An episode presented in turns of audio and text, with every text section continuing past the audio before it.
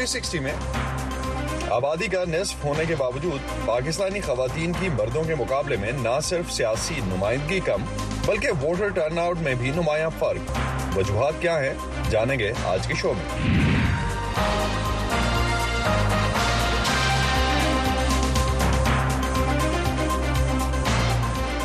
وائس آف امریکہ کے واشنگٹن اسٹوڈیوز میں آپ سب کو خوش آمدید۔ آپ دیکھ رہے ہیں پروگرام یو تھری سکسٹی اور میں ہوں اسد اللہ خالد۔ پاکستان میں خواتین کل آبادی کا تقریباً نصف ہے لیکن سیاست، کھیل یا عمومی ورک فورس میں خواتین کی نمائندگی آبادی میں ان کے تناسب سے انتہائی کم ہے۔ پاکستان الیکشن کمیشن کے مطابق سیاسی جماعتوں کو انتخابات میں خواتین کی نمائندگی کم از کم پانچ فیصد رکھنے کی ہدایات ہیں، جو کہ پچاس فیصد کی آبادی کے لحاظ سے انتہائی کم ہے۔ ملک کی سیاسی جماعتوں میں خواتین موجود تو ہیں لیکن یہاں بھی ان کا تناسب خاصا کم نظر آتا ہے۔ ایک ایسا ملک جس کی آزادی کی تحریک میں بھی خواتین نے نمایاں کردار ادا کیا, کیا ہوا اور اس کے علاوہ اس ملک نے اسلامی دنیا میں اہم خواتین رہنما بھی پیدا کی ہوں۔ لیکن اس کے باوجود ان کی نمائندگی آبادی کے تناسب کے مطابق کیوں نہیں؟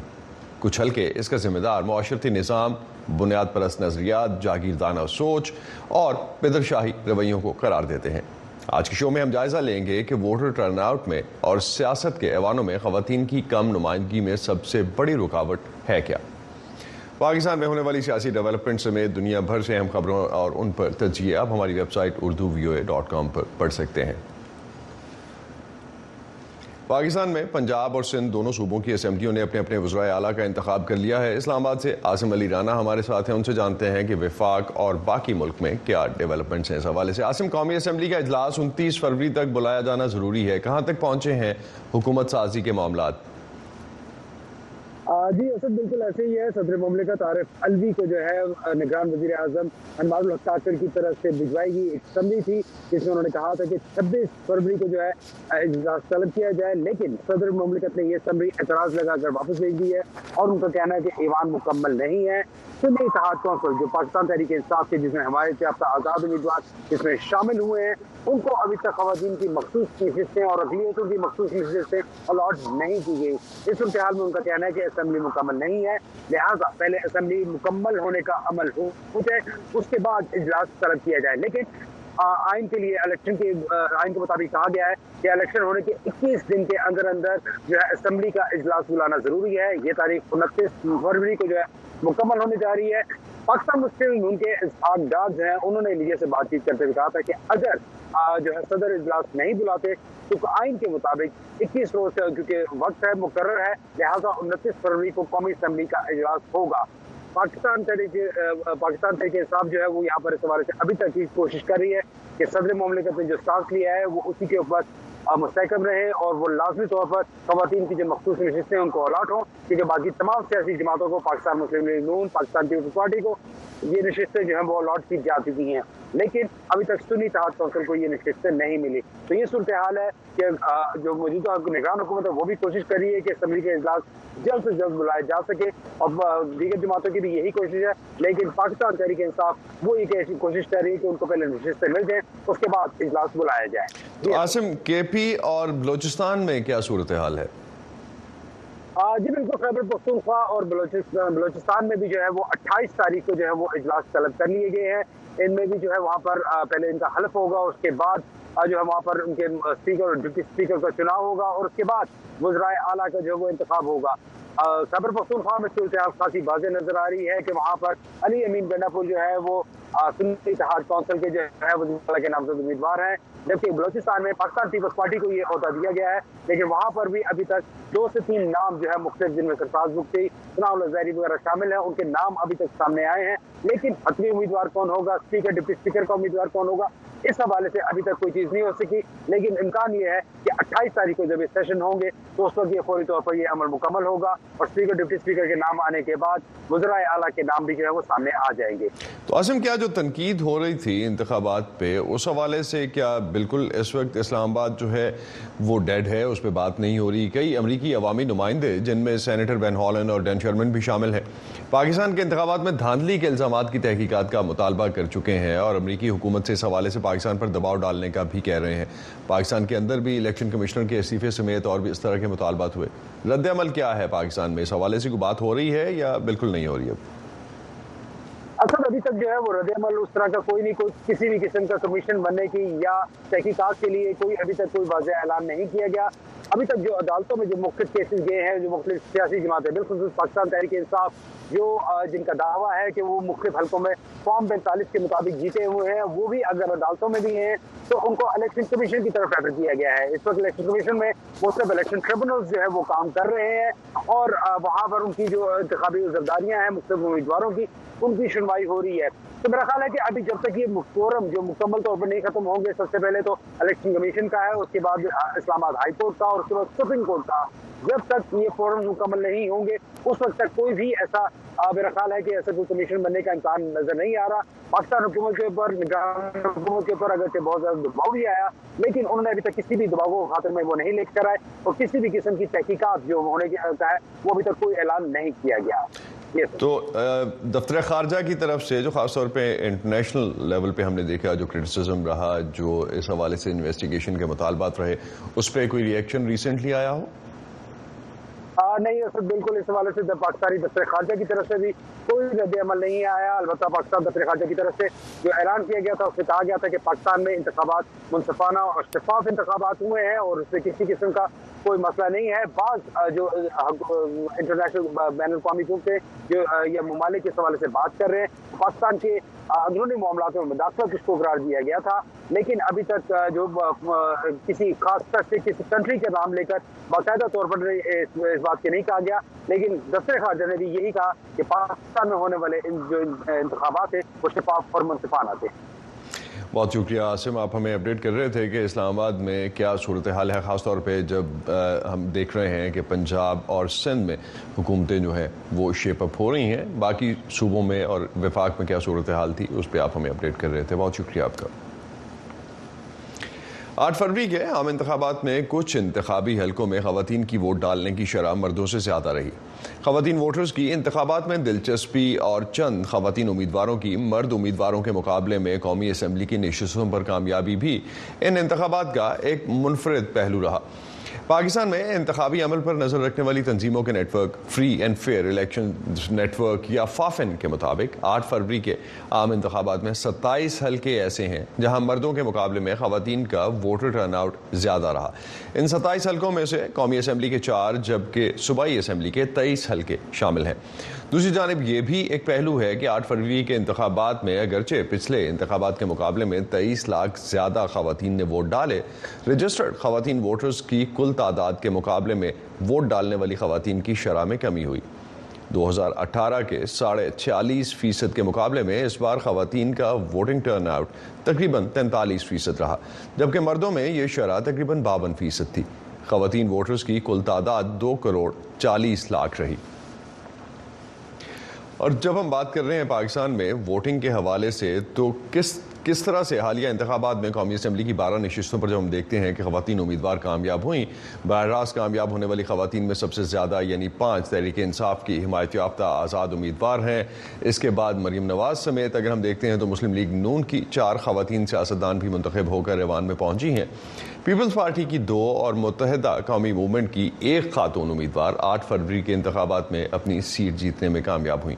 کامیاب ہونے والی ان سیاستدانوں میں پشاور سے شاندانہ گلزار خان، حافظ آباد سے انیکا انور اور وہاڑی سے عائشہ نذیر جٹ لیہ سے عنبر مجید اور ڈیرہ غازی خان سے زرتاج گل شامل ہیں۔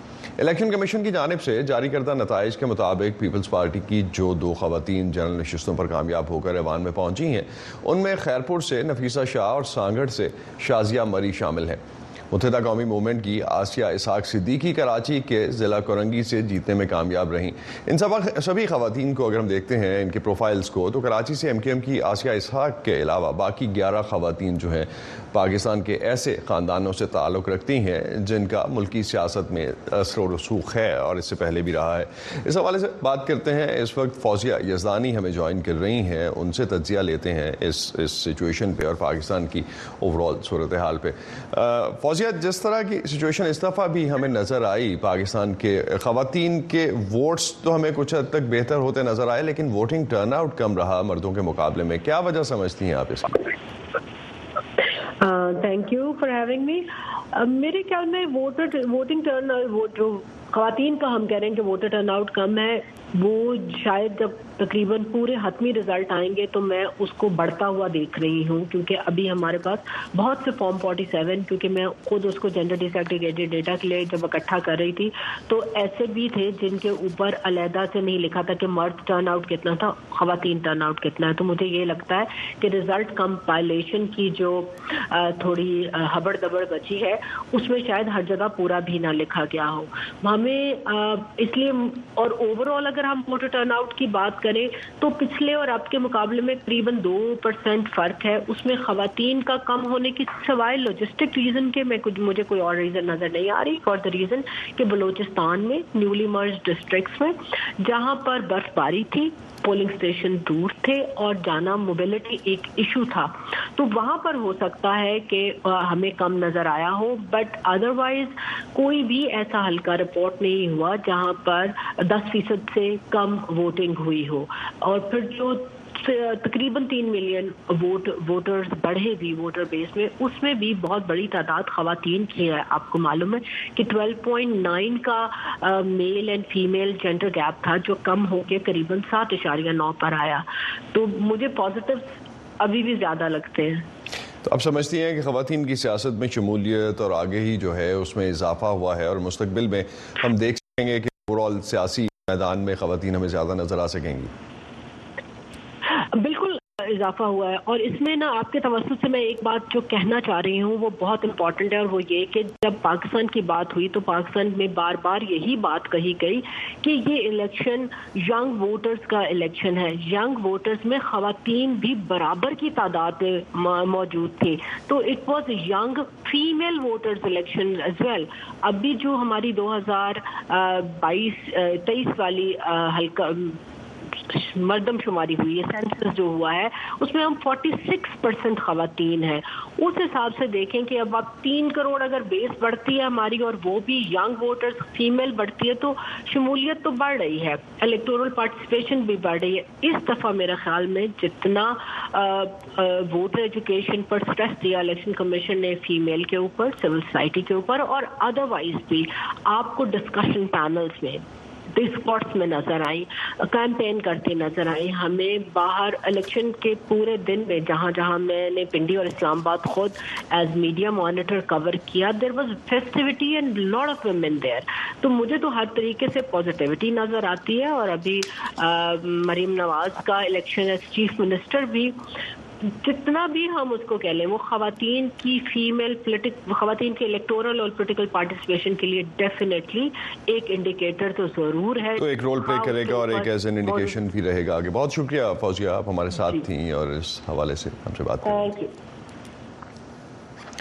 پدر شاہی معاشرے میں سیاست میں کامیابی پانے والی پاکستانی خواتین سیاستدانوں کی اس سفر میں جد و جہد اور challenges دونوں ہی مردوں سے زیادہ ہیں۔ سندھ کے علاقے سانگھڑ سے منتخب ہونے والی شازیہ مری نے وائس آف امریکہ کی صدر ڈار سے بات کرتے ہوئے کہا کہ اپنے اور اپنے جیسی خواتین سیاستدانوں کو سیاسی سفر میں انہوں نے جو مشکلات درپیش تھیں ان کو اور جس طرح سے انہوں نے ان challenges کے حوالے سے بات کی آئیے اس کو دیکھتے ہیں۔ اسمبلی میں harassment کی بھی case ہوا میں نے رپورٹ کیا was the first one to report it because میں nonsense برداشت نہیں کرتی۔ so so, uh, مجھے کسی نے harass کرنے کی کوشش کی میں نے رپورٹ کیا۔ اور الٹا وہ میری character assassination ہوئی۔ وہ بھی بڑے difficult times تھے میرے لیے۔ میری بچی چھوٹی تھی۔ میں نے بہت کچھ جھیلا ہے۔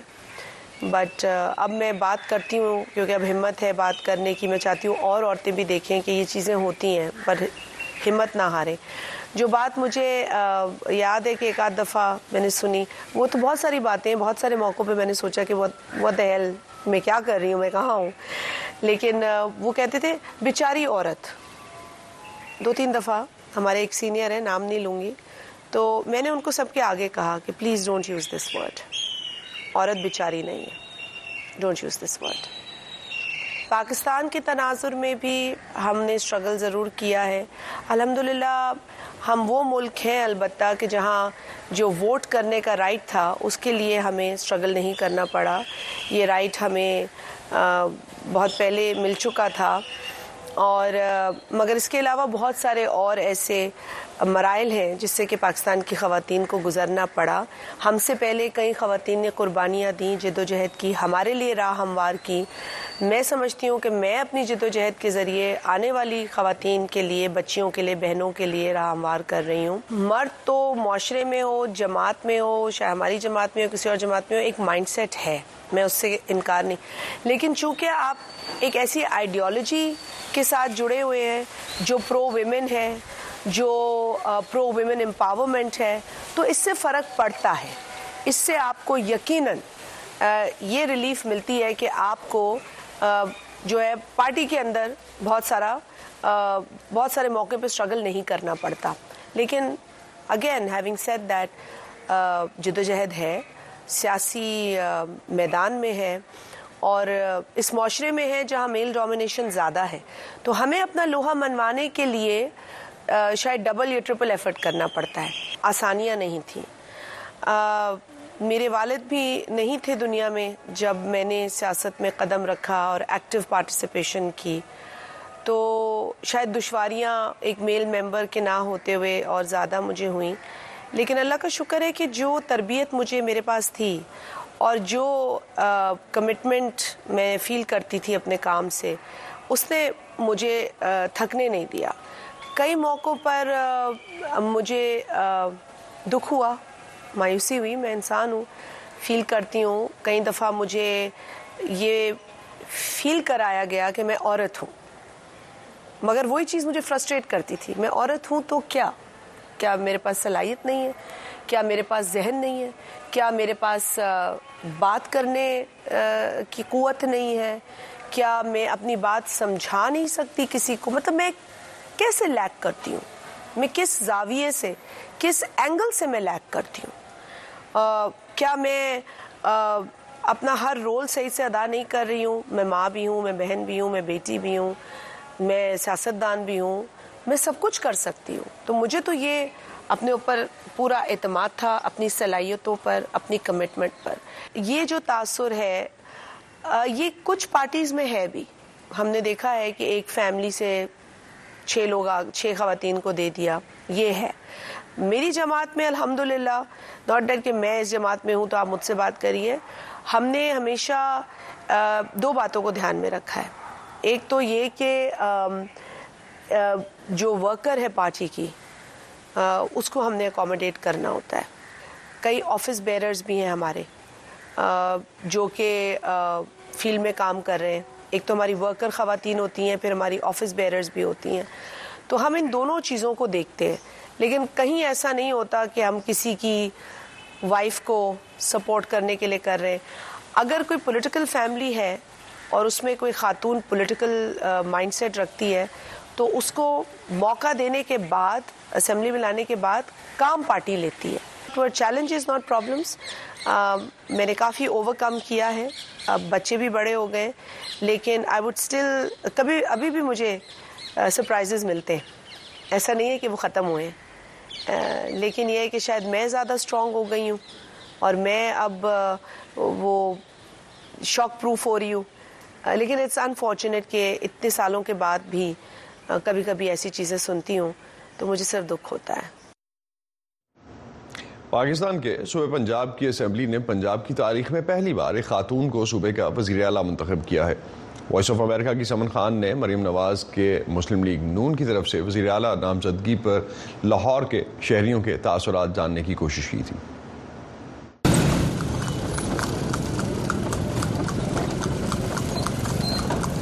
مریم نواز جو میرے خیال میں نا یہ کامیاب ترین وزیر اعلیٰ پنجاب ہوں گی۔ وہ young generation اس کو پسند کر رہی ہے ماشاءاللہ خوبصورت بھی ہیں کام بھی خوبصورت کر رہی ہیں۔ میں consider ہی نہیں کرتی ہوں وہ کسی چیز میں اچھی نہیں ہے آج تک۔ میں نے نہیں دیکھا کہ انہوں نے کوئی اس طرح سے خود سے کوئی اس طرح کام کیا ہو یا کچھ کیا ہو۔ ابھی ان کا امتحان ہے ابھی وہ آئی ہیں۔ let's see ہم تو امید ہی کر سکتے ہیں کہ وہ ان crisis سے نکلیں۔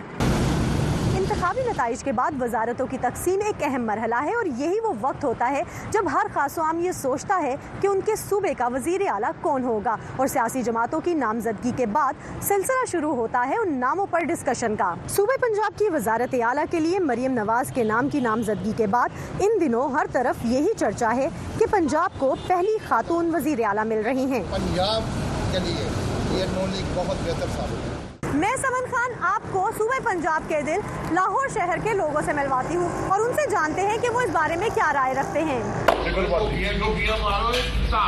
شروعات کرتے ہیں اندرون لاہور سے جہاں سے مریم نواز کی جماعت مسلم لیگ نون کی سیاست پروان چڑھی تھی۔ ماں باپ کی بیٹی اچھی رہے گی۔ ملک کے لیے اچھی ہے ہمارے ملک کے بادشاہ ہیں وہ۔ ابھی تو position کی خراب ہوئی ہے۔ اگر اچھا کام کریں گے تو position ٹھیک ہو جائے گی۔ خوبی تو اس کے اپنے نا چاچے والی لینی چاہیے نا۔ دن رات کام کرنا چاہیے جیسے چاچا اس کا کرتا تھا۔ حالانکہ میں نون لیگ کا ہوں لیکن اس کے باوجود بھی مجھے پسند نہیں ہے۔ کیا وجہ؟ وجہ یہ ہے کہ وزیر اعلیٰ کا حق تھا حمزہ کا۔ بننا اسے چاہیے تھا۔ آپ بتائیں کیا سمجھتے ہیں؟ مریم کو بطور وزیر اعلیٰ کیسا دیکھتے ہیں؟ اور اس وقت پنجاب کے ایسے کیا مسائل ہیں جو آپ سمجھتے ہیں کہ جو اس وقت وزیر اعلیٰ بنے اس کو حل کرنے چاہیے؟ پاکستان کی پہلی وزیر اعظم محترمہ بے نظیر بھٹو شہید رحمۃ اللہ علیہ آئی۔ اس کو establishment نے قبول نہیں کیا، اس کو ہمارے بڑوں نے قبول نہیں کیا، تو اس کو کیسے کریں گے؟ مریم نواز جو ہیں، وہ بڑی ایک strong political background سے آئی ہیں۔ تو پنجاب کو کافی دیر سے ضرورت تھی ایک strong political leader کی۔ تو being a CM تو ان کی authority absolute ہوگی۔ تو امید کی جاتی ہے کہ وہ پنجاب کے لیے کافی اچھے کام کریں گے، جو کہ پچھلے کافی time سے نہیں ہو پا رہے تھے۔ لاہور کا مشہور لکشمی چوک ہے، جہاں اس وقت ہم موجود ہیں۔ یہ اپنے ثقافتی اور دیسی کھانوں کے اعتبار سے جانا جاتا ہے۔ یہاں پر آئے کچھ لوگوں سے بات کرتے ہیں۔ سب سے پہلے تو معذرت، آپ لوگوں کو کھانے کے وقت تنگ کر رہے ہیں۔ یہ بتائیے گا کہ مریم نواز کو وزارت اعلیٰ کی لیے کیسا دیکھتے ہیں؟ ان کو experience کوئی نہیں ہے۔ وہ صرف میاں نواز شریف صاحب کی بیٹی ہیں اس وجہ سے ان کو بنایا جا رہا ہے۔ وہ کبھی انہوں نے کوئی کام کیا ہی نہیں اس طرح کا جس کی وجہ سے ان کو اس کے اہل کیا جائے۔ آپ سے بات کریں گے کہ آپ بھی ایک خاتون ہیں کہا جا رہا ہے کہ پنجاب کی پہلی خاتون وزیر اعلیٰ بننے جا رہی ہیں مریم۔ آپ اس بارے میں کیا کہیں گی مجھے تو ویسے ہی پسند نہیں ہے اور اس سیاست میں بھی مجھے کوئی دلچسپی نہیں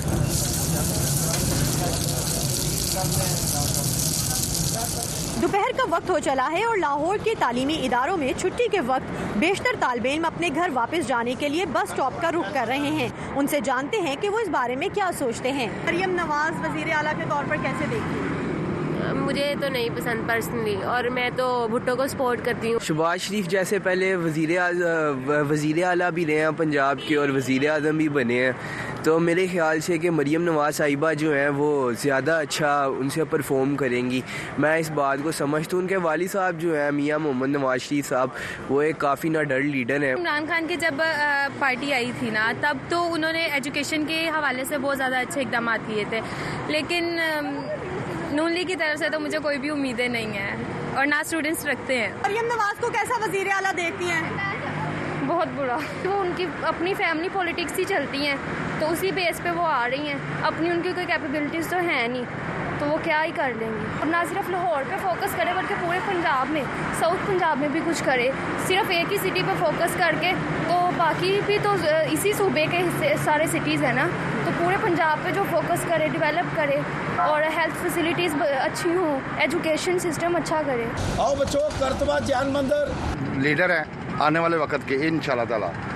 بات کرنا جانتی ہے ملک کے فائدے کے لیے بہتر ثابت ہوگی۔ مریم نواز صاحبہ جو وزیر اعلیٰ بنی ہیں میں سمجھتا ہوں کہ یہ ملک کو بڑا اچھا چلائیں گی۔ ان کی پوری فیملی جو background دیکھا جائے تو وہ سارے وہ جو ہے نا یہ کوئی وزیر تھا، کوئی وزیر اعظم تھا، ان کے والد صاحب خود وزیر اعظم رہے ہیں، تو اس کو وسیع تجربہ ہے اس چیز کا۔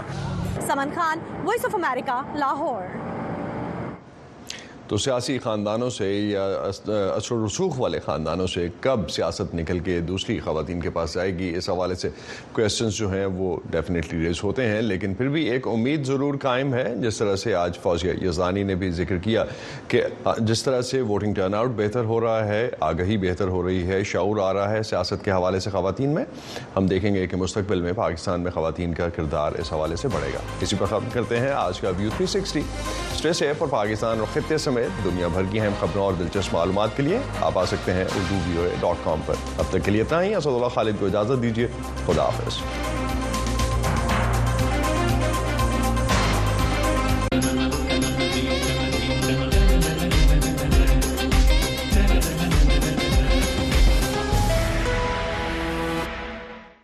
د بدلون په وخت کې کله چې نړۍ د غیر یقیني سره مخامخ کاری او کله چې مونږ ساوو هغه هغه شان نخکاری چې څنګه وینو.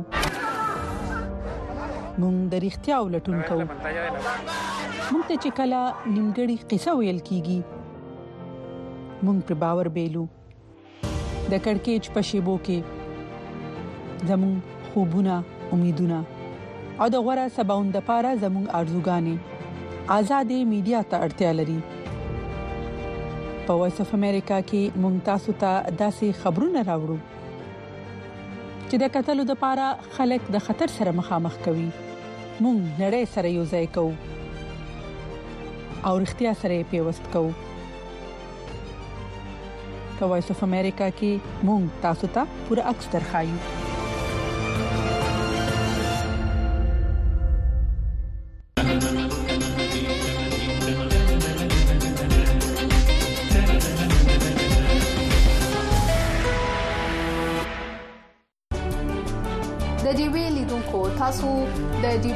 پاڼه په خپل موبایلونو کې د ان ټي ایچ لینک app د لارې خلاصولای شئ. د دې طریقه به تاسو خو چې تاسو په آیفون او په انډراید فون باندې څنګه کولای شئ چې داغه app download کړئ او له هغه ځای څخه د ډي وی ویب پاڼه وګورئ. د ان ټي ایچ لینک app ډاونلوډولو لپاره که تاسو سره آیفون وي نو تاسو خپل اپل ستور پرانځئ او که له تاسو سره انډراید فون وي نو تاسو ګوګل سټور پرانځئ له هغه وروسته لټون کې ان ټي ایچ لینک ولیکئ او دا اپ ډاونلوډ کړئ. په دویم پړاو کې د آی اګری ثنې کې ښاګي او بیا د فلګ لاندې د کنیکټ ثنې کې ښاګي او په دریم پړاو کې بیا د اوکی ثنې یا پټن کې ښاګي لکه نکټېدو وروسته تاسو د دې وی پاڼه پرانیزئ او د خپل خوښې خبرونه وګورئ. او له هغه ځایه تاسو کولی شئ چې د خپل خوښې ټول پروګرامونه ریپورتونه او لیکنې ولولئ او وګورئ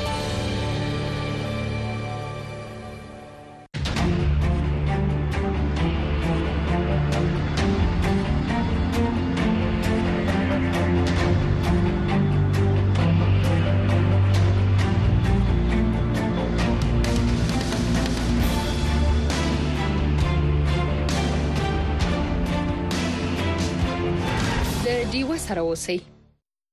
د بدلون په وخت کې کله چې نړۍ د غیر یقیني سره مخامخ کاری او کله چې موږ ساوو هغه هغه شان نخکاری چې څنګه وینو. موږ د اړتیا ولټون کوو. موږ ته چې کله نیمګړی قصه ویل کیږي موږ پر باور بیلو د کڑکېچ په شیبو کې زمون خوبونه امیدونه او د غوړه سباوند د پاره زموږ ارزوګانې. آزادې میډیا ته اړتیا لري. په وایس اف امریکا کې مونږ تاسو ته داسې خبرونه راوړو. چې د قتل د پاره خلک د خطر سره مخامخ کوي. مونږ نړۍ سره یو ځای کوو. او اړتیا سره پیوست کوو. په وایس اف امریکا کې مونږ تاسو ته پوره عکس درخایو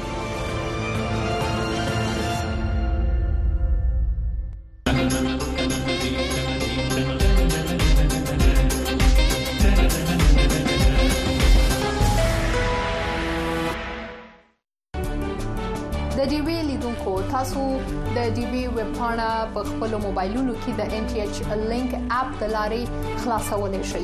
د دې طریقه به تاسو خو چې تاسو په آیفون او په انډراید فون باندې څنګه کولای شئ چې داغه app download کړئ او له هغه ځای څخه د ډي وی ویب پاڼه وګورئ. د ان ټي ایچ لینک app ډاونلوډولو لپاره که تاسو سره آیفون وي نو تاسو خپل اپل ستور پرانځئ او که له تاسو سره انډراید فون وي نو تاسو ګوګل ستور پرانځئ له هغه وروسته لټون کې ان ټي ایچ لینک ولیکئ او دا اپ ډاونلوډ کړئ په دویم پړاو د آی اګری ثنې کې ښاګي او بیا د فلګ لاندې د کنیکټ ثنې کې ښاګي او په دریم پړاو کې بیا د اوکی ثنې یا پټن کې ښاګي لکه نکټېدو وروسته تاسو د وی پاڼه پرانیزئ او د خپل خوښې خبرونه وګورئ او له هغه ځای تاسو کولی شئ چې د خپل خوښې ټول پروګرامونه ریپورتونه او لیکنې ولولئ او وګورئ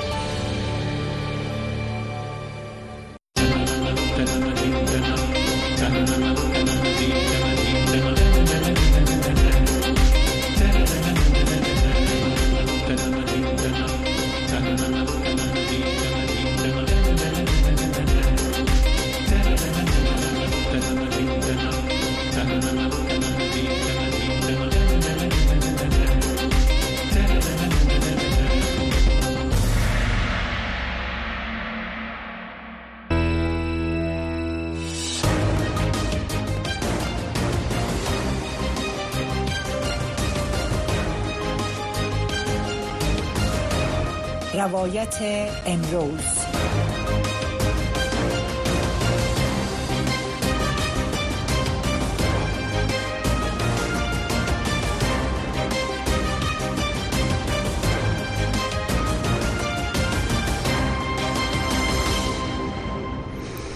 شنوندگان و بینندگان محترم برنامه روایت امروز با سلام بر شما. ممنون که بیننده و شنونده برنامه ای ساعت هستین. در برنامه این ساعت روی نشست امروز شورای امنیت ملل متحد در قبال افغانستان صحبتی خواهیم داشت که لحظات قبل در نیویورک آغاز شد. البته قبل از آغاز نشست کارولاین رایدریگرز برکت رئیس شورای امنیت ملل متحد خطابه ای را ایراد کرد که در او از طالبان خواهان لغو سریع محدودیت ها و پالیسی های شد که بر زنان و دختران در افغانستان انفاس کردن و گفت که ما من حیث امضا کننده تعهد مشترک اصول صلح و امنیت برای زنان یک بار دیگه تعهد خود را برای پیشرفت قوی و علایق زنان و دختران در افغانستان ابراز می داریم و از این تبعیض آنچه را او مداوم سیستماتیک جنسیتی طالبان و سرکوبی زنان و دختران در افغانستان خواند او را تقبیح کرد و از طالبان خواست تا این پالیسی ها را لغو کنند و به حق کار آزادی تحرک و دیگر آزادی های زنان متحد باشند. بررسی و تحلیل این نشست را که البته در عقب درهای بسته هم اکنون در حال انجام و صورت گرفتن در نیویورک است. و گفتن که ملل متحد در این نشست احتمال میره که روی نمایندگی ویژه سازمان ملل متحد در امور افغانستان هم بحث کنه. تحلیل این نشست از خانم زهرا حق پرست فعال حقوق بشر و حقوق زن مشنیم که هم اکنون در خط تلفن با ما هستند. زهرا جان سلام و سپاس از وقتتان. ابتدا برداشت شما از این نشست ملل متحد که از سوی دیدبان حقوق بشر هم مورد انتقاد قرار گرفته به دلیل از که در عقب درهای بسته است و مشخص نیست که در او چه صحبت های صورت می‌گیره چیست. آیا فکر می‌کنید که این نشست به نوع به نفع افغانستان و زنای افغانستان خاتمه پیدا خواهد کرد یا خیر؟ با سلام خدمت شما خدمت شنونده رادیو شما. امروز نشستی که شما در موردش صحبت کردین. اولی که دبیر کل سازمان ملل کنتون گوترش از حضور نداره و در مورد دستاوردهایی که در مورد گزارش نتایج دو هرم کسی که مورد بحث قرار میته و در موردش گزارش میته خانمی از به نام روزمری دیکارلو فکر کنم معاون سیاسی در کل سازمان ملل و این نشست در مورد سه سه مورد مهم در این جلسه و در این نشست مورد بحث قرار می‌گیره. که یکی اولین اولین کاری که این نشست صورت می‌گیره نتایج دوحه که گزارش داده میشه توسط خانمی کسم گرفتم و بعد از اون موضوع حقوق بشری است در مورد وضعیت حقوق بشری در افغانستان که متاسفانه ما شما شاهد هستیم که وضعیت حقوق بشری از نگاه وحشتش بیداد می‌کنه. ما امروز هم شاهد از این بودیم که جوان در جوزجان در شبرخان اعدام میشه و وقتی هم که برف و باران هم متوجه میشن که مردم نمی‌تونن به خاطر تماشای دعوت کنن میبرنش در مکان بسته و او تیرباران می‌کنن. و در پهلوش هم نماینده ویژه سازمان ملل تعیین میشن همیشه نشستایی که در مکان بسته و پشت درهای بسته در مورد وضعیت افغانستان صورت گرفته. ما اصلا خوشبین نبودیم. اصلا نتیجه بخش نبوده مصمر نبوده. سرنوشت افغانستان از بد بدتر شده. ما وضعیت بهتری را نمی‌بینیم. فقط بله. ما از اینا تقبیح میشنویم. از اینا میگن که طالب باید رفتار خود در مقابل زنان و در مقابل وضعیت حقوق شریک در افغانستان جریان داره تغییر بده. چرا؟ چرا کاری که باید در عمل ثابت بسازن چرا باید طالب طالب فشار وارد نکنن؟ چرا باید سفر طالب تحریم نکنن؟ چرا به طالب کمک مالی کنن؟ چرا طالب باید سیر بسازن؟ امروز طالب از جانب غرب حمایه میشه و امیدوار هستیم که در این نشستی که پشت درهای بسته صورت می‌گیره وضعیت افغانستان قسمی که هولناک است مد نظر گرفته شوه و این نماینده که به احتمال زیاد تعیین میشه طرف سازمان ملل برای مردم کسی باشه که بتونه. اگرچه طالبا فکر کنم درخواست دادن قسمی که ما گزارش ها را تعقیب کردم طالبا این خواستن که کسی که به نمایندگی از سازمان ملل در مورد افغانستان تعیین میشه و باید مسلمان باشه و مطابق قومیت و فرهنگ افغانستان رفتار کنه و آشنا باشه با فرهنگ افغانستان در حالی که خود این مردمی که نماینده های خدا خدا در افغانستان معرفی می‌کنن و داد از اسلام می‌زنن در حقیقت مسلمان نیستن و خلاف اینه که ما داریم رفتار می‌کنن در مقابل مردم. ما امیدوار هستیم که کسی که تعیین میشه یک افغانستان کم کم به سمت صلح و ثبات بره. اما تا زمانی که طالب در رأس قدرت باشد چنین چیز را ما در خواب ببینیم و محال است. بله خب طوری که گفتم رئیس شورای امنیت ملل متحد در آغاز جلسه در خطابش گفت که طالبا حسابده قرار خواهند گرفت در قبال تخطی از حقوق زنان و دختران در افغانستان و باید هرچه سریعتری پالیسی ها را لغو کنند. یعنی ملل متحد تا حال انعطاف پذیری را در بخش پذیرش ای قوانین طالبان علیه زنان از خود نشان نداده. به نظر شما نگران ازیه هستین که در آینده نماینده ویژه که انتخاب میشه به نوع سهولت تعامل طالبا را با ملل متحد فراهم کنه و به نوع ملل متحد بتونه با برخی از موضوعاتی که طالبا جایگزین چیزی که زنها در افغانستان داشتن کنار بیای مثلا گفته شده که طالبا گفتن که مدرسه ها می‌تونه جایگزین مکتب برای دخترها شود. مکاتب مذهبی که این نظریه خانم روزاتون بایف هم او را گفته بود که ما روی از غور می‌کنیم و به نوع واکنش بسیار شدید زنها را به همراه داشت. آیا این نگرانی را شما دارین که در آینده نزدیک ممکن پیشنهادات طالب از طریق نماینده ویژه برای ملل متحد قابل پذیرش شود ما اگر نگران وضعیت افغانستان و نگران وضعیت زنان افغانستان نمیبودیم اعتراض نمی‌کردیم بله. وقتی که شروعی که طالب آمد ما امروز پیش بینی کرده بودیم. روزهای بعد یک در جریان در وضعیت افغانستان جاری خواهد شد. و زن افغانستان چه عواقب و چه آینده وحشتناکی در زندگیشان رونما خواهد شد. ما اینا پیش بینی کردیم که اعتراض کردیم و شده مخالفین طالب. و امیدوار به هستیم که کسی که از طرف سازمان ملل تعیین میشه بتانه بتانه شرایطی را که زنای افغانستان می‌خواین و او ثبات امنیتی را که تمام مردم افغانستان از دادن و تمام حقوقی را که زنای افغانستان از دادن بتانه بالای طالبا فشار وارد کنه اما چنین چیزی بازم گفتم ممکن است زمانی که طالب در قدرت باشه. اما مدارس دینی. مدارس دینی که افراطیت ترویج می‌کنن مدارسی که انتحاری و جامعه تقدیم کنه مدرسه دینی که وحشت تجاوز لواتت و این موضوعات عام بسازه یا سربوریدن تیرباران کردن عام بسازه ما چنین چیز هرگز بگذین نظام نصاب تدریسی معارف قبول نداریم. هیچ زن افغانستان هیچ دختر افغانستان راضی به این نیست که اولادش افراطیت آموزش ببینه تعلیم پیدا کنه از راه افراطیت.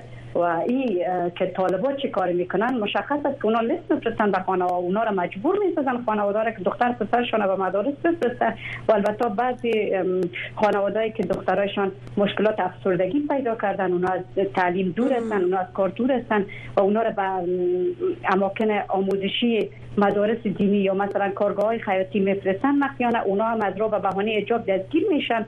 وضعیت وحشتناک شده در افغانستان و ما هرگز نمی‌خواهیم که کسی که به نمایندگی سازمان ملل تعیین میشه بر افغانستان تعامل یعنی راه تعامل با طالب بسنجه و شرایط بله. طالبانی را عزیز بستر تطبیق کنه. هرگز ما فقط که کسی باشه که وضعیتی را که طالب فعلا حکم روایی را که داره و وحشتی که جریان داره او را کنترل کنه او را بالاشان فشار وارد کنه و نگذاره که سیستم انارشی از این جاتر پیش بره.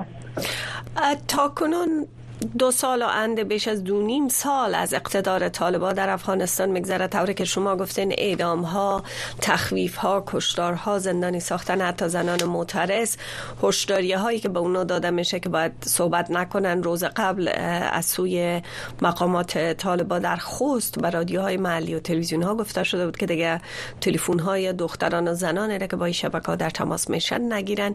یعنی شدت اعمال و دستاتور و فرامین طالبا در قبال تخطی از حقوق بشر به شدت جریان داره.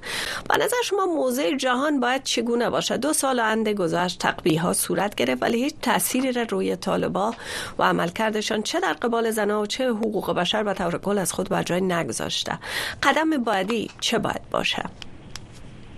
بارها ما تاکید کردیم و ایده گفتیم که جونما یک دفتر نمایشی یک دفتر فرمالیته در افغانستان داره و اصلا کاری به مردم افغانستان خصوصا زن افغانستان نکرده. ای که چند بار با معترضین از نزدیک دیدار کرده و صدایشان شنیده و اما او را انعکاس نداده ای که وضعیت تغییر نکرده و گفتم بد بدتر شده.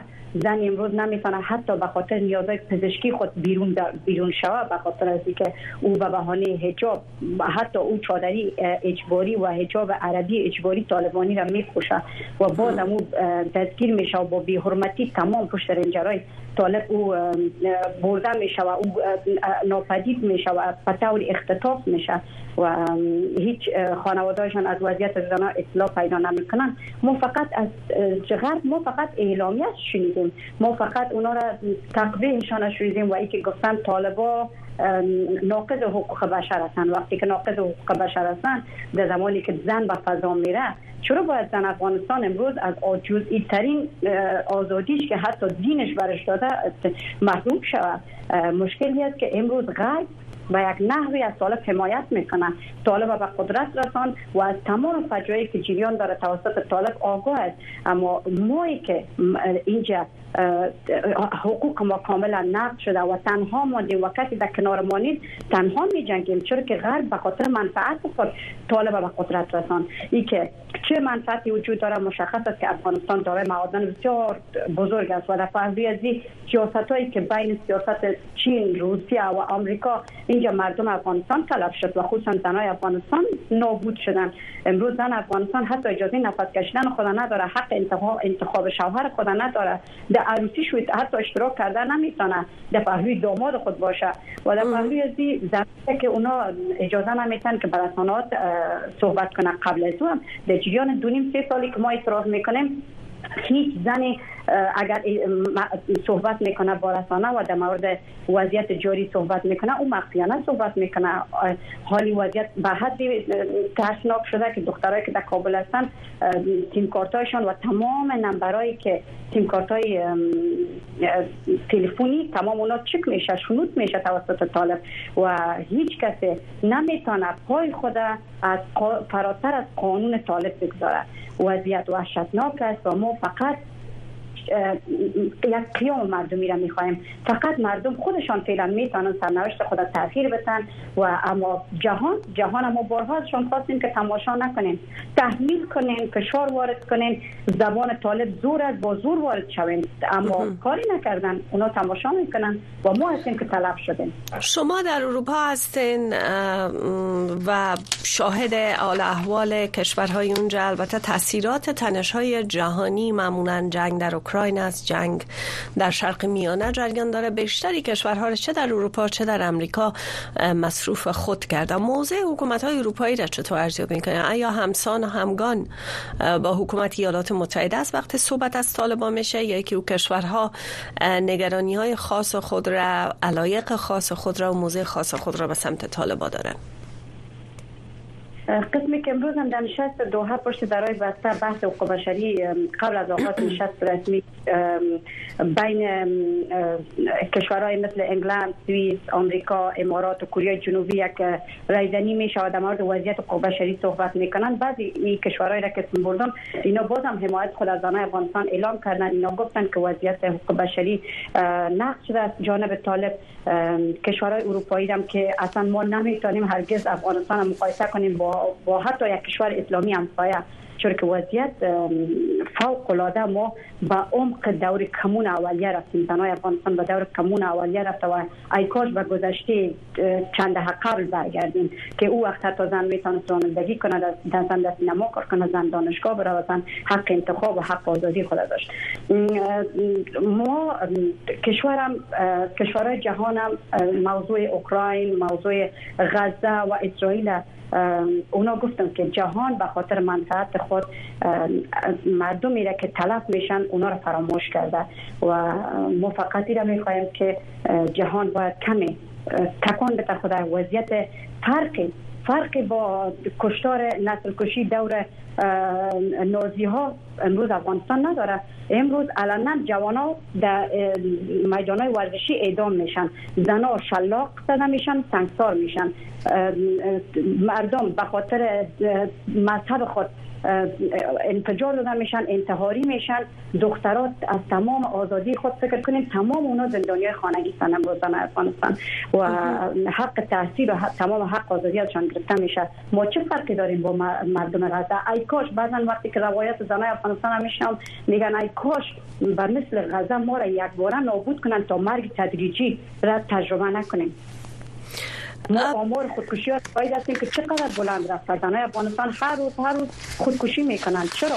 امروز مرد اکثریت مردم امروز شغل خود از دادن. نظامیات تحت تعقیب هستن. ما هیچ ما فقط وحشت تجربه می‌کنیم و بعد. من که اینجا هستم به خاطر زن افغانستان. آرامش ندارم. اعضای فامیل ما دوستای ما دخترایی که هموطنای ما همجنسای ما تمامش در بدترین شرایط ممکن هستند گفتم امروز زن در فضا میره اما و امارات عربی که داد از اسلام می‌زنه و مردم افغانستان منتظر فرمان اونا هستن که رمضان برشان تعیین کنن عید فطر برشان تعیین کنن عرفات و قربانی رو برشان تعیین کنن. سالامی خود به میلادی تبدیل می‌کنه. زن عربستان امروز میره مدل میشه. زن عربستان سر فرش قرمز میره. زن عربستان امروز ملکه زیبایی جهان میشه. اما زن عربستان و زن افغانستان اسیر خانگی و یا ای که توسط طالب کشته میشه و زندان میشه و یا بالش تجاوز صورت می‌گیره. بله. چه فرقی داریم با یک کشور اسلامی دیگه؟ کسایی که اینا دور از اسلام می‌زنن اما مسلمان نیستن. بله. شما صحبت از وضعیت زنان در عربستان سعودی و شرق میانه کردین و مقایسهش با زنان در افغانستان. طالبان مکررن هر دستور و فرمان را چه از عدم اجازه تحصیل و درس به زنان تا رفتنشان به اماکن آمد تا نیازمندی های بسیار اساسی و ابتدایی و حتمی مثل رفتن به حمام های زنانه به یک پارک و محل اماکن تفریح را بر زنان محدود ساختن و مبدع و منشه تمامی تصامیم خود را اسلام میگن برداشت شما از واکنش کشورهای شرقی میانه کشورهایی که رهبری جهان اسلام را بر عهده داره مثل عربستان سعودی یا مثل سازمان همکاری های اسلامی در قبالی تصامیم طالبا چیز فکر می‌کنید که اینا وظیفه خود را تا چه حد در آوردن فشار بر طالبا بر عدم رب دادن این تصامیم به دین انجام دادن؟ کار کافی را کردن یا خیر؟ هرگز اونا کار نکردن. اونا کشورهای امارات عربی و کشورهای غربی اونا را در دفاتر سیاسیشان که در قطر است حمایت کردن. الان امروز دفتر سیاسی طالب در قطر است. و از نگاه مالی امارات طالب حمایت می‌کنن. مثل آمریکا. و ما چطور می‌تونیم از اونا توقعی داشته باشیم؟ اونا زمانی که زن افغانستان و طفل افغانستان گرسنه است و تمام آزادی محروم است مثل ماهی میتپن و حتی نه اکسیژن دارن و نه فکر کنید اگر اکسیژن آزادی باشه مردم افغانستان ازشان گرفته شده. اما در عربستان فرش قرمز هموار میشه و شطور مسابقات شطورانی انجام میتن و زنای شطور سوار هستن و رانندگی آزاد است. ما اصلا گفتم قابل مقایسه نمی‌دانیم و هیچ واکنش و هیچ حمایتی ما از کشورهای مسلمان ندیدیم جز ای که حمایت کردن از طالب. اگر کشور ترکیه بوده اردوغان رسما اعلام حمایت کرد از طالب. اگر ایران بوده رسما حمایت کرد و پاکستان هم که پدرشان از پاکستان که مدارسشان اونجا بوده و دادگاه طالب پاکستان بوده. ما از کشورهای اسلامی حمایت ندیدیم. بله. برمیگردیم به فعالیت خانم های فعال حقوق بشر خانم های فعال حقوق زن که شما هم یکی از اونا هستین. فعالیت های پراکنده فعالین در همه کشورها جریان داره. در آلمان در فرانسه در بریتانیا در هلند سویدن نروژ امریکا کانادا. در پاکستان حتی.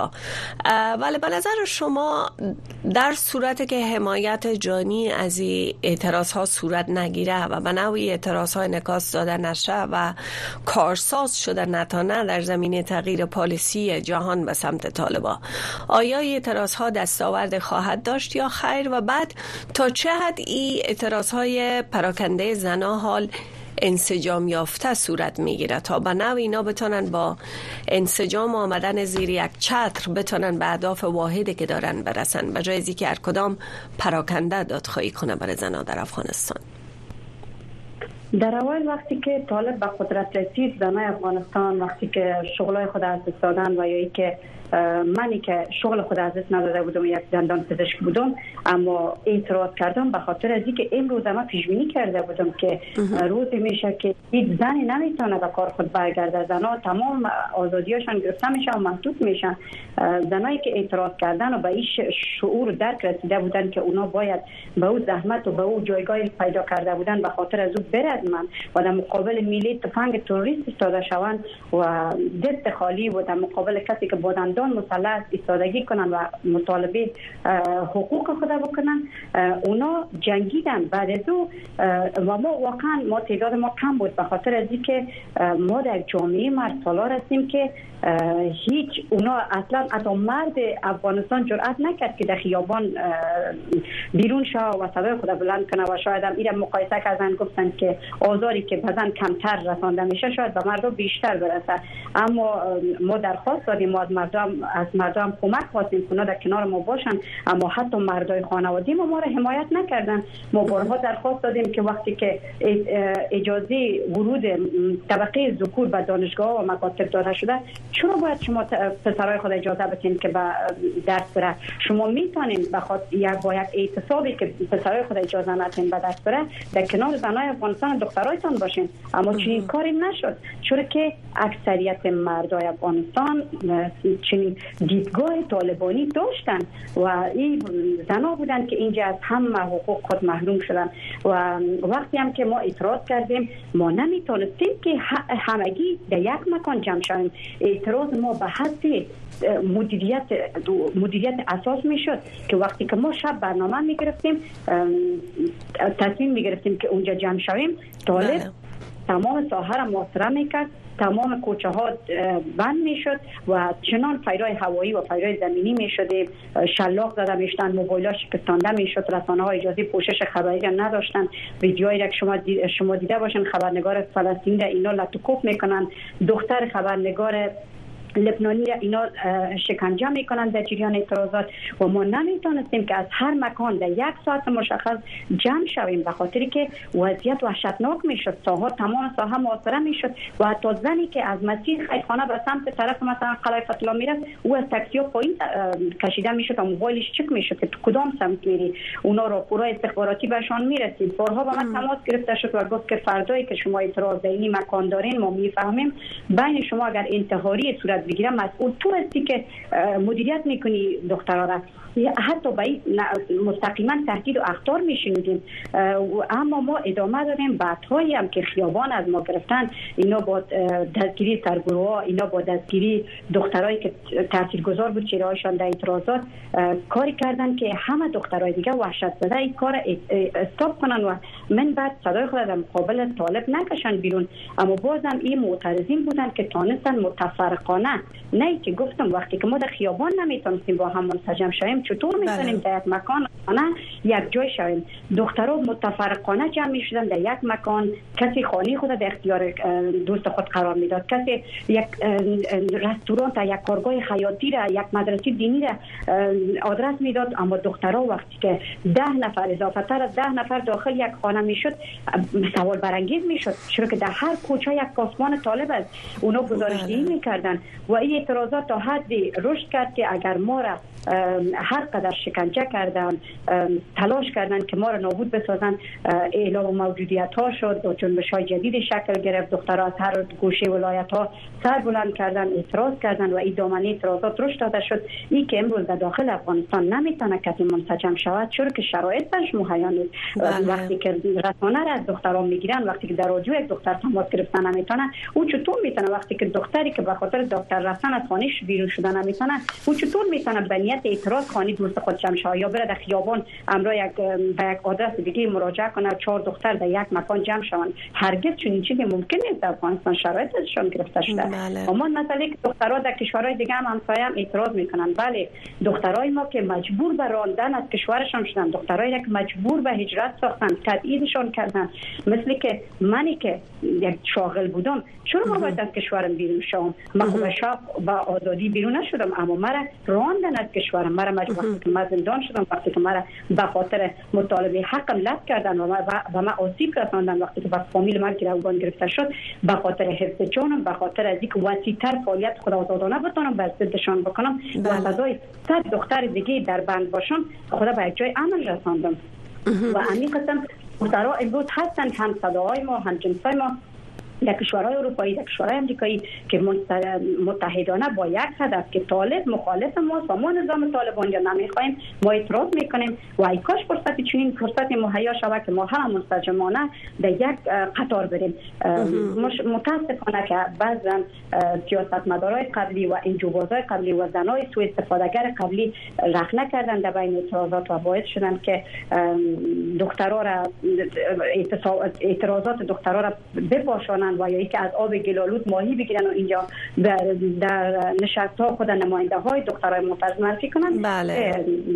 اگر دخترای معترض بتونن می‌تونن از این سو استفادهگارا را کنار بگذارن و منسجمانه یک نماینده تعیین کنن که من بله. کسی باشه در مقابل طالب که صدای دخترای در بند باشه زهرا جان وقت بسیار کم از شما یک نکته بسیار خوبی را تذکر دادیم که حمایت از جانب مردهای جامعه هم نمی‌شده متاسفانه افغانستان حتی قبل از ظهور ظهور طالبا یک جامعه سنتی و یک جامعه با نگاه غرضآمیز و تبعیض‌آلود به سمت زنا بود. یا نه هستن مردهایی که هنوز ممکن با پالیسی های دیگه طالبا موافق نباشن ولی وقت به زنا می‌رسه با اونا موافق هستن.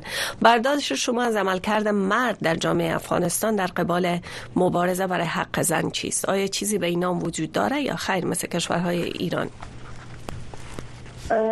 کمتر خانوادهایی بودن فیصدی بسیار کمی بودن که به این آگاهی رسیده بودن که دختر خود به مکتب بگذارن دخترایشان و زنایشان خواهرایشان جایگاه خود در نگاه اقتصاد سیاست و اجتماع پیدا کرده بودن. اما طالب آمده همه چیز دیگرگون شد و امروز حتی او مردم هم به خاطر حفظ آبروی خود به خاطر از اینکه ضرری بر دخترشان به اولادشان نرسه اونا مانی از برنامه های دخترای خود میشن. و بسیار گفتم اکثریت افکار طالبانی دارن و وحشت هم دارن از طالب و نمی‌تونن که حمایت کنن اعتراضات زنان و دخترای خود. و در پهلوش ای که اکثریت دخترای معترض بدون آگاهی دهی با فامیلایشان با چیره های پنهان اعتراض می‌کنن به خاطر حق خود میجنگن. چون اونا حمایت کسی ندارن. مثلا پدر ما و برادر ما اعتراض ما آگاهی نداشت. اما هستن کسایی که مثل شوهر به این شعور درک رسیده که زن فرقی با مرد نداره و زن باید تمام او آزادی های خودم مثل یک مرد داشته باشه و اما حمایت مردا را ما نداشتیم و امیدوار هستیم که مردا به این آگاهی برسن که امروز اگر دخترای تاجک و دخترای هزاره از منطقه تیمنی خیرخانه و برچی دستگیر میشن مرد افغانستان امروز ولو که با سواد باشه این موضوع را مخفی می‌سازه. این جنایت طالب هم میپوشونه به خاطر حفظ آبروی خود. در حالی که او را مجبور می‌سازه وقتی که دخترش آزاد شد در خانه برگشت وقتی که این افکار فامیل خود متوجه شد و مرد خانواده خود به این بله تشکر ممنون. دکتر زهرا حق پرست وقت برنامه خاتمه پیدا می‌کنه. سپاس از وقتتان. از تحلیلی که در قبال موضوع ارائه دادن ممنون از بیننده و شنونده که همراه ما در این برنامه بودن. همکاران در استودیو هستند برنامه را با خبرها و تحولات و دیگر موضوعات و تحلیلات روز مربوط به افغانستان و جهان ادامه خواهد داد.